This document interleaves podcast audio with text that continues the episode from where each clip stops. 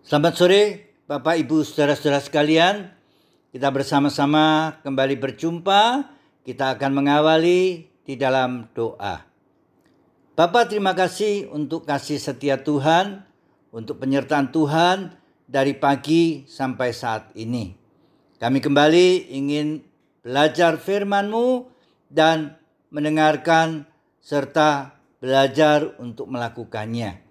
Kiranya Tuhan menolong kami semua. Di dalam nama Yesus Tuhan kami, kami berdoa. Amin.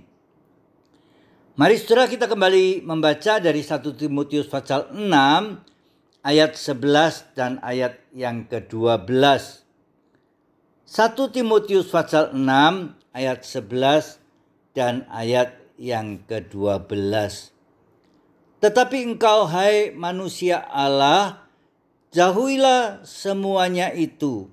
Kejarlah keadilan, ibadah, kesetiaan, kasih, kesabaran, dan kelembutan. Bertandinglah dalam pertandingan iman yang benar, dan rebutlah hidup yang kekal. Untuk itulah engkau telah dipanggil, dan telah engkau ikrarkan ikrar yang benar di depan banyak saksi. Secara tema kita berbicara tentang pertandingan orang beriman. Suatu pertandingan bukan dinilai dari start atau awalnya, tetapi siapa yang lebih dulu mencapai garis finishnya. Sebagai contoh, Ben Johnson, pelari asal Kanada di Olimpiade Seoul ia mencapai garis finish yang pertama. Tetapi sayang akhirnya ia didiskualifikasi karena memakai doping. Sedangkan pertandingan orang beriman bukanlah soal siapa yang paling cepat mencapai garis finish. Apalagi dengan cara yang tidak benar. Nasihat Paulus kepada Timotius adalah yang pertama, bertandinglah dalam pertandingan iman yang benar.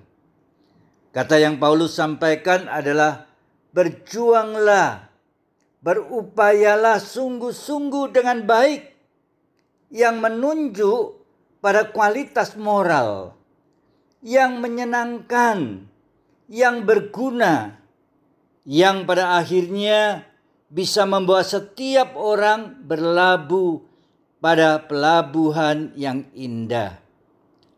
Pertandingan iman yang benar selalu mengarah pada Yesus Kristus. Aturan yang Tuhan Yesus kehendaki. Medan pertandingan yang ditentukan dan harus dilalui. Tidak selamanya menyenangkan.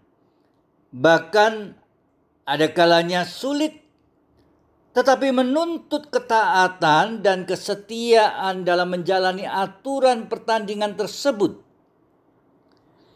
Kedua, Paulus berbicara, rebutlah hidup yang kekal.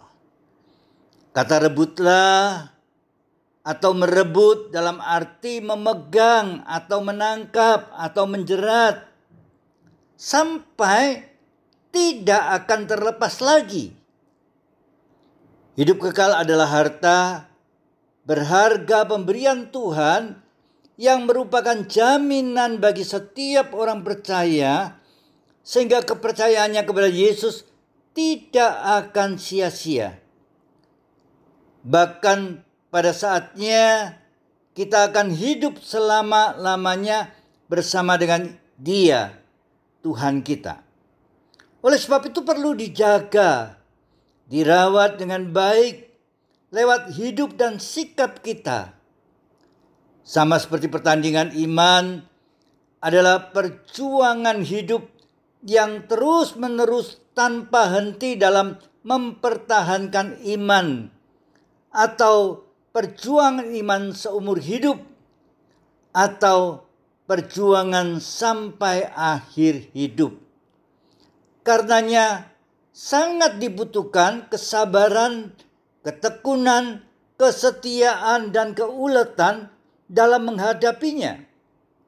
Dengan demikian kita mampu menjalani panggilan hidup sesuai dengan ikrar yang kita ikrarkan.